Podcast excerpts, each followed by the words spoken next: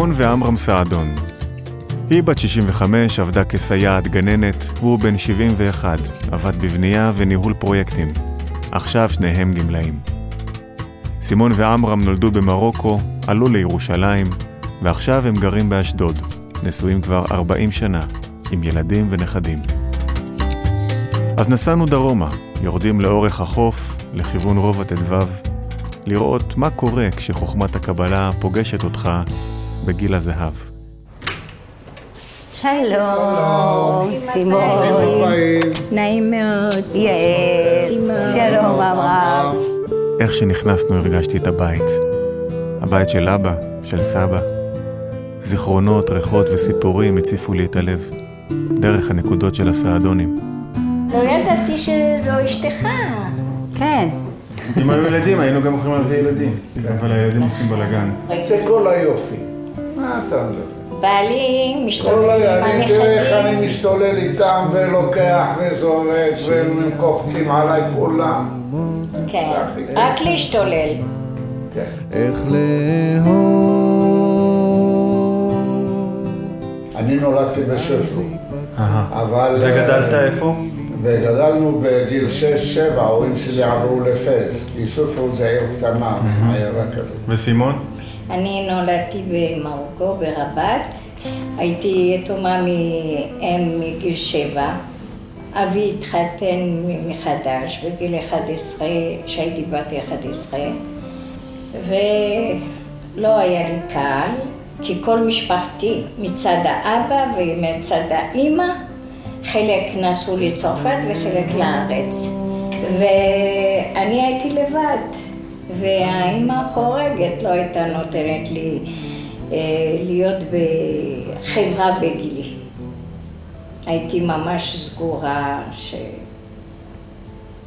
אז אה, בגיל אה, גם 18 כבר לא יכולתי לחיות שם ונסעתי לאחותי בצרפת. נשארתי שלוש שנים, אבל ידעתי שזה לא המקום.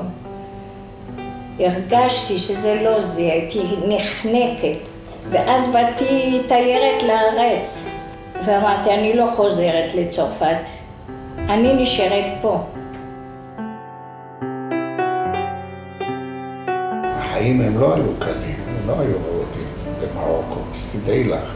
אני נולדתי בזמן המלחמה, כן? זה, כל העולם זה היה חוסר, לא רק במרוקו. בית ספר, לא היה לנו לא ספרים, לא מחברות, לא שום דבר. הכל היינו צריכים ללמוד בעל פה. הכל. ואם טעיתי למחרת שאל אותי המורה וטעיתי או משהו, אז ישר הוא הפליק לי מכות. זה לא, בלי לחשוב, לא אחד ולא שתיים. אותו לא מעניין שאין לי ספרים, אין לי מחברות, במה אני אלמד? ואז הם היו נותנים מכות, אני שניתי אותם, ממש. תראה, אני הייתי צריך גם לפרנס וגם דמי כיס. ילד בן עשר, אחד עשר, גם לפרנס משפחה וגם דמי כיס. אז היו כל מיני טריקים בשביל להתקיים. זה לא היה קל. הכל תלוי בי, ולא במה שבחוץ. להיכנס לקולנוע, צריך לומר שקל, אבל אין שקל, איפה שקל? מי יביא לך? אז הייתי לוקח חצי שקל ופועד אותו לאגורות, אז אני תמיד הייתי מחכה שהסרט מתחיל, אז הייתי עושה לסדרן שם, עושה לי, בוא, כנס. אז אני בא, שם לו ביד ככה, זאת, זה פרוטות. וזה פרוטות. עכשיו הוא לא, הוא לא יכול לשבת לשפוט, הוא לוקח שם בכיס, אבל אני בסך הכל נתתי לו, במקום שקל נתתי לו עשר אגורות. וככה היינו חיים, לא רק אני, גם כמה ילדים כאן. אז למדתם להסתדר. כן, או שהייתי לוקח אופניים. אתה בא, אתה לוקח אופניים לשעה או לחצי יום, משלם כמה דקות. אני הייתי לוקח את האופניים לשעתיים, הייתי לוקח אותם יומיים שלושה, עושה על זה כסף, ובסוף עכשיו, אם אני אבוא להחזיר לו את האופניים, הוא יתפוס אותי. לא יודע, ממזר, איפה? אז הייתי שם את האופניים באיזשהו מקום, הולך, לוקח אותם, והכל בסדר. הכל בסדר. ילדות בלי אימא מגיל שבע, ואין לך אהבה מאף אחד. הסבתא עסוקה גידלה אותנו עד גיל 11. היא הייתה סבתא מאוד טובה, אבל uh, הייתה מאוד עסוקה. אבא היה עסוק בחיים שלו. לא, לא היה לי יחס מאבא. וכשאבי התחתן זה היה עוד יותר גרוע, המצב הנפשי. לא להרגיש אהבה. והייתי לבד, לבד, אה, בלי אף אחד. לא האחים שלי, אח שלי, רק אבי התחתן, היגר לצרפת. אחותי בגיל 17 בשביל לצאת מהבית התחתנה ויצאה מהבית. ונסעו לצרפת. ואני נשארתי לבד. הבדידות, להיות, להרגיש לבד.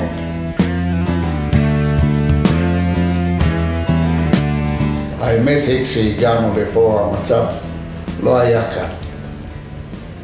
בצבא גם לא היה, לא היה חינם. לא ידעתי לדבר עברית. עולה חדש. פול, קום, תעשה, למה אני פה, למה אני אקום? תסביר שזה אימון, שזה ככה, שזה ככה. לא, לא היה, לא הייתה הסברה בצה"ל. לא, מי אתה, מה אתה, לא חשוב, ואני אני הייתי אש, אני הייתי קופץ מגגות כמו חתול, אין אצלי בעיה, אין פחד. ואני בא לצבא, וכל אחד עושה ממני צחוק, מה זה? מה זה? אני אומר, בוא אני אראה לך מה זה. אני הייתי אוכל הבנים, אני הייתי. ואתה בא צועק עליי, אז... זה סוס פראי. אני באו להעיר, בא, אני שמעתי, בא להעיר אותי, וזה, אמרתי לו, לך מפה, אם לא, אני מסכים אותך פה, זה חצה מתעסק. ככה התחילו בעיות גם בצבא. לא נקלטתי מהר. אתה לא יודע כמה אני אוהבת, לפעמים אני חושבת שאתה תמיד קרוב, אתה תמיד שם. הגענו במבשרת ציון כי הלכתי לגור אצל סבתא שלי. והיה מסתכל, ראיתי שהוא מתעניין בי. בסוף אה, איזה יום אה, הלכתי לדוד שלי, שהוא היה גר בקריית מנחם, והוא היה עם הווספה שלו, והציע לי ללוות אותי הביתה. אמרתי, בסדר. בקושי תפסתי אותו, אז הוא עשה אה, כזה חליקה שאני אחזיק אותו. ובמקום לקחת אותי הביתה, הוא הזמין אותי לכוס קפה, ושם אמר לי, את יודעת, הייתי רוצה לצאת איתך. אז אמרתי לו, כן, למה לא? לך שיר אהבה במקום בו אתה לנצח קיים. וכמה זמן אחרי שהכרתם התחתנתם? שמונה חודשים. מהר. כן. הצעת לה נישואים? לא, מה פתאום. זה... לא, דוד שלי דאג, כי הוא ידע שהוא פרפר. ו... והם התחילו להגיד, "ת- תשאלי אותו, מתי מתחתנים? אז אמרתי לו, תשמע, הדוד שלי וסבתא שלי דואגים. אז אה, זהו, הוא אומר, אין בעיה.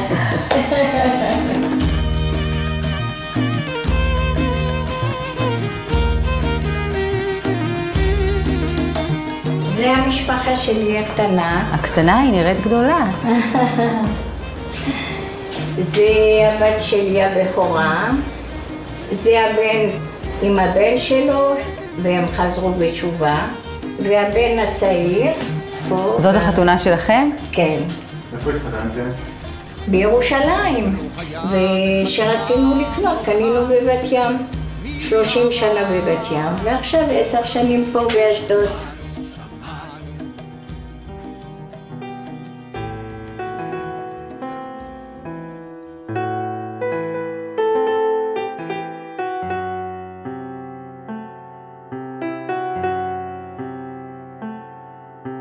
אמרנו, נורא אהב ילדים. זה, אני יודעת, יש לו הרבה רגש, הרבה אהבה, מאוד רגיש, ואני יותר קרירה.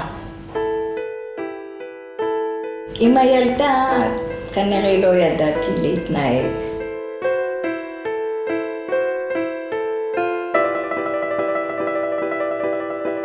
והיה לי בעיה איתה, לא היה לי קשר איתה. אני מרגישה שלא נתתי לה את האהבה, שגם אני לא קיבלתי. עכשיו, אני מודעת בזה שנכנסתי ללימוד הקבלה, שאומרים לי, מה הקבלה? כל אחד קבלה, קבלה. קבלה זה להיכנס פנימה, ושדברים מתבררים, מתבהרים. עם הקבלה אני אה, ידעתי שכל הדברים שאני כועסת עליה זה, בת... זה אני, זה הדברים שאצלי לא בסדר.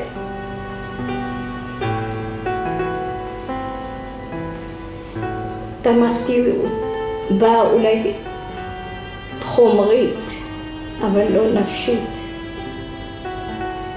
אני, אחרי שהתחלתי ללמוד קבלה, אני ניגשתי אליה ולא יכולתי יותר, והתפרצתי בבכי. אמרתי לה שאני מצטערת שלא הבנתי, גם אמרתי לה, אני רוצה לחבק אותך.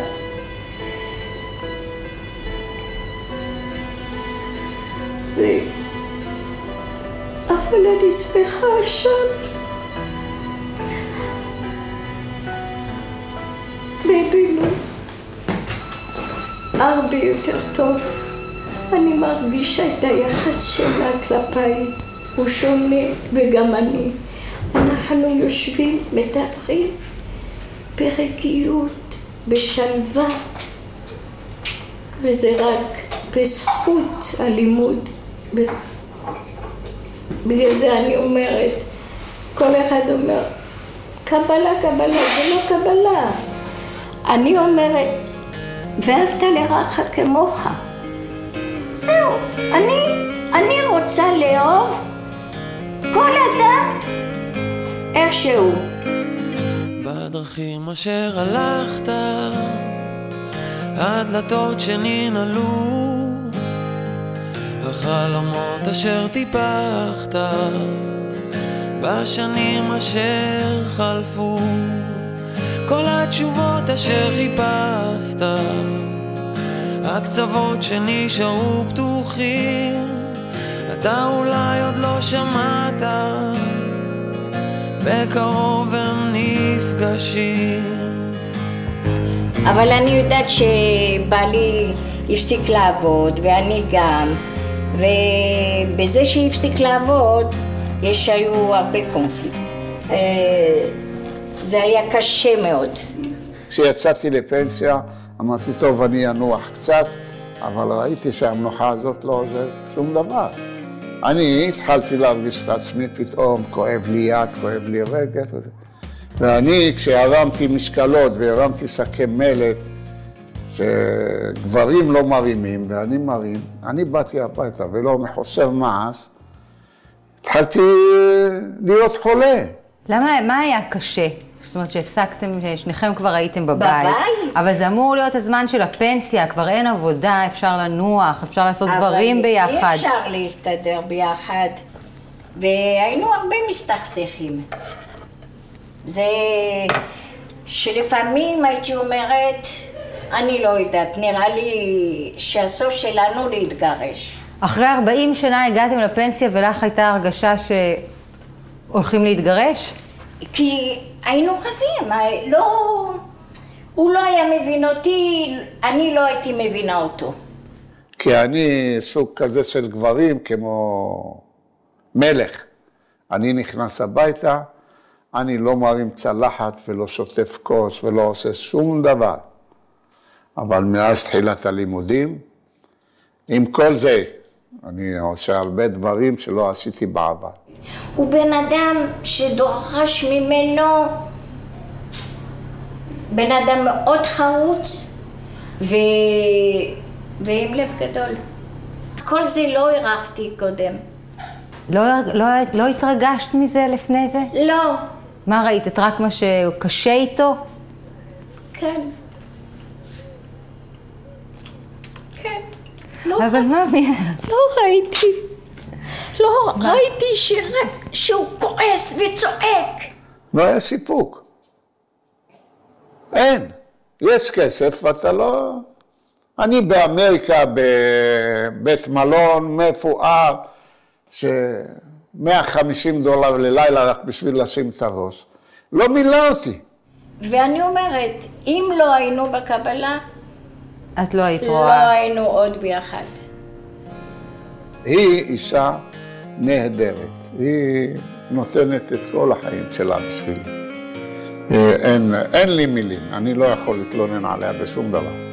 ואני מרגיש שעם כל זה, עם כל זה שהיא נותנת לי הכל, היא עוד משתדלת עוד יותר. אולי עשתה איזושהי טעות פה, פה ושם, היא רוצה לתקן. זה פה.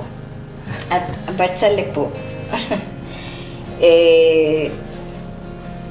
משהו השתנה, השתנה בי הכל. השתנה בי הכל. שהאהבה שחשבתי זה, זה משהו אחר לגמרי. זה משהו אחר לגמרי. זה אהבה שאי אפשר לתאר.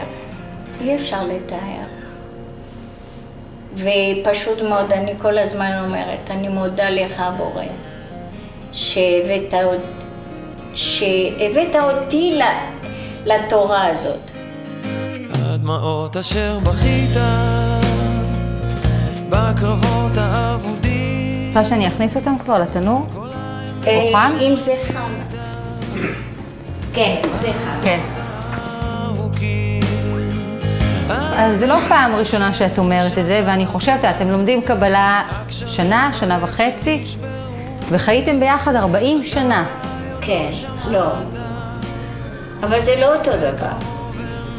כל ה-40 שנה זה, זה, זה מריבות ועליות וירידות. מקרא. ומה מחזיק את זה היום? זה הלימוד של הקבלה. זה פשוט חלון נפתח ומלא אור. אמר, איך בכלל אה, גילית את חוכמת הקבלה? גיליתי את חוכמת הקבלה משעמום. חיפשתי משהו שימלא אותי.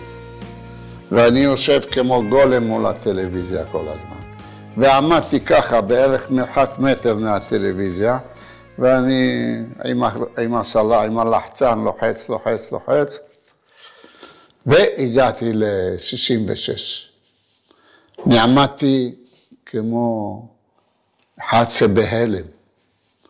עמדתי והקשבתי ובלעתי בצמאון כל מילה מה שהבן אדם הזה מוציא מפיו. בן אדם הזה, דבש ניגר משפטיו כל הזמן. כל מה שהוא אומר, וחבל, וחבל שאין הרבה כמוהו פה, שיוצאים לשוק להפיץ את החוכמה הזאת. ואז נשארתי עומד מול הטלוויזיה ככה, וקראתי לאשתי, אמרתי בואי תשמעי משהו מעניין פה. בהתחלה לא הבנתי שום דבר, אבל לא יודעת למה התעקשתי. וכל יום פתאום מבינה משהו, פתאום זה. בסוף אמרו שיהיה כנס. אמרתי, אנחנו הולכים. כשהייתי שמה וראיתי את כל המסה של האנשים כמו משפחה אחת. וזה זה ריתק אותי. ואמרתי, את המשפחה הזאת אני רוצה. הרגשתי שזה העם שלי. מגיעים לשם, יש למעלה איזה 3,000, 2,500 איש. וזו הייתה פעם הראשונה שהגענו. הרגשתי זה כאילו אני בא לבית שלי, למשפחה שלי, לדודים, לאחים, לזה. כל אחד שואל שלום, כל אחד לשלומי, כל אחד מתעניין. וזה, אני, ריבונו של עולם, איפה אני נפלתי? לאיזה עולם? יש עוד אהבה בעולם אני חשבתי שאני מרחף באוויר. ביום עד, לא הקלתי איפה אני נמצא. החום, החום. יש לי חיבור בין נשים, וכמו שבעלי אומר, זה מזרים לו דם חדש לעורקים. היא האור של השירים קבל אותה אל תרתע אין, הגיל לא אומר לי כלום היום. הגיל היום, אני לא מרגיש את עצמי שאני בן 71. וזה למה? הודות לכם, ללימוד, והודות לבן אדם הזה שקוראים לו מיכאל לייטמן. אני מרשה לעצמי לקרוא לו בשמו הפרטי. הרבה פעמים הרב אומר לא משנה. אז אני מאמינה בזה. ועובדה, לאט לאט אני מתחילה להבין דברים. להבין או להרגיש? להרגיש, כמובן, להרגיש. להרגיש, אני אומרת לך, היה- ב- היו, היו לי תקופות שהייתי יושבת ובוכה, אבל זה לא בוכה מ- מעצב. זהו, זה גם מה? מבירורים. אפשר? אה, לא, שלא ישרוף לך הידיים. אז בכי לא מעצב. לא, וכי לא מעצב. מ- מהבירורים, מ- מ- מדברים ש... איך אומרים? זה חלון נפתח ואת רואה את ה... מה טוב ו... ומה רע. כולם רוצים לראות טוב, אבל לא כולם מוכנים בדרך לראות את הרע. נראה לי שהסעדונים לא עושים חשבון אם זה מרגיש חריף, מר או מתוק. החשבון שלהם הוא אם זה מרגיש אמת. האדם לא נברא לקנות הון ולבנות כן, אתם תרצו לראות איפה אנחנו לומדים ואיפה אנחנו מתאספים. אז בבקשה, אחריי. פה השיעורים למטה מתקיימים כל בוקר בשעה שלוש עד שעה שש. כל יום, כל יום. אז תיכנסו בבקשה, פה אנחנו לומדים. תיכנסו, זה אומנם מרתף, אבל הוא קצת נחמד. פה לומדים אנשים, פה הילדים. יש מורה לאנגלית, מורה לציור, וזה הכל בהתנדבות. אלה חבר'ה שלומדים יחד איתנו. פה זה המטבח שלנו. איפה אתם רואים את השיעורים? אנחנו רואים את השיעורים אה, בחדר הזה. יש לנו טלוויזיה, מחשב, בדיוק, כל מה שצריך. איך לאהוב. אף פעם לא הרגשתי אהבה אמיתית, מה שהיום אני מרגישה פה. עם החברים מהקבוצה. כן. אמרתי להם, אני גדלתי מגיל שבע בלי אהבה, ממש, אפילו שהתחתנתי בחתונה, ו... ו... בסדר, התאהבתי בו, הילדים, אבל אהבת אמת, אני לא מכירה את הנשים. זה פתאום התגלה לי שהוא רופא שיניים, אז מה? פתאום סך הכל סייעת לגרעינת, ואני מרגישה אותם כמו אחים. אהבה אמיתית. אז שאלו אותי, נו, וכמה אתה רוצה שכירות? אמרתי, אני לא רוצה שכירות. אני רוצה, אם אתם יכולים לבוא ללמוד, זה השכירות, זה, ה... זה מה שאני מחפש. שתבואו ללמוד, זה. זה התשלום למעשה. למה? מה הם נותנים לך? מה, מה, מה אתה מרגיש כאילו שפה עכשיו באים לפה כל החברים? מה שהם נותנים לי, לא ניתן לתאר במילים. אי אפשר.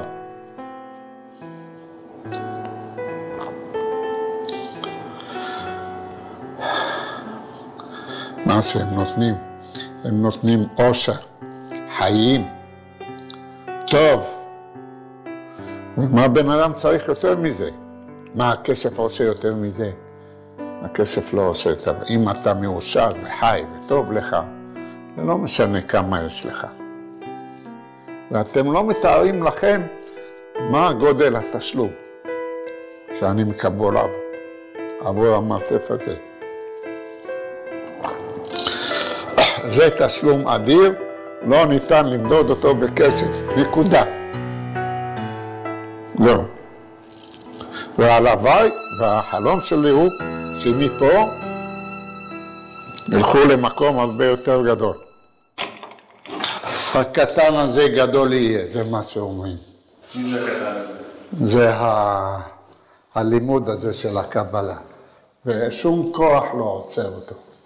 וככה הקבלה, זה נפתח, ואף אחד לא יכול לעצור את זה. אין לו שום, אין שום כוח בעולם שיכול להפסיק את זה.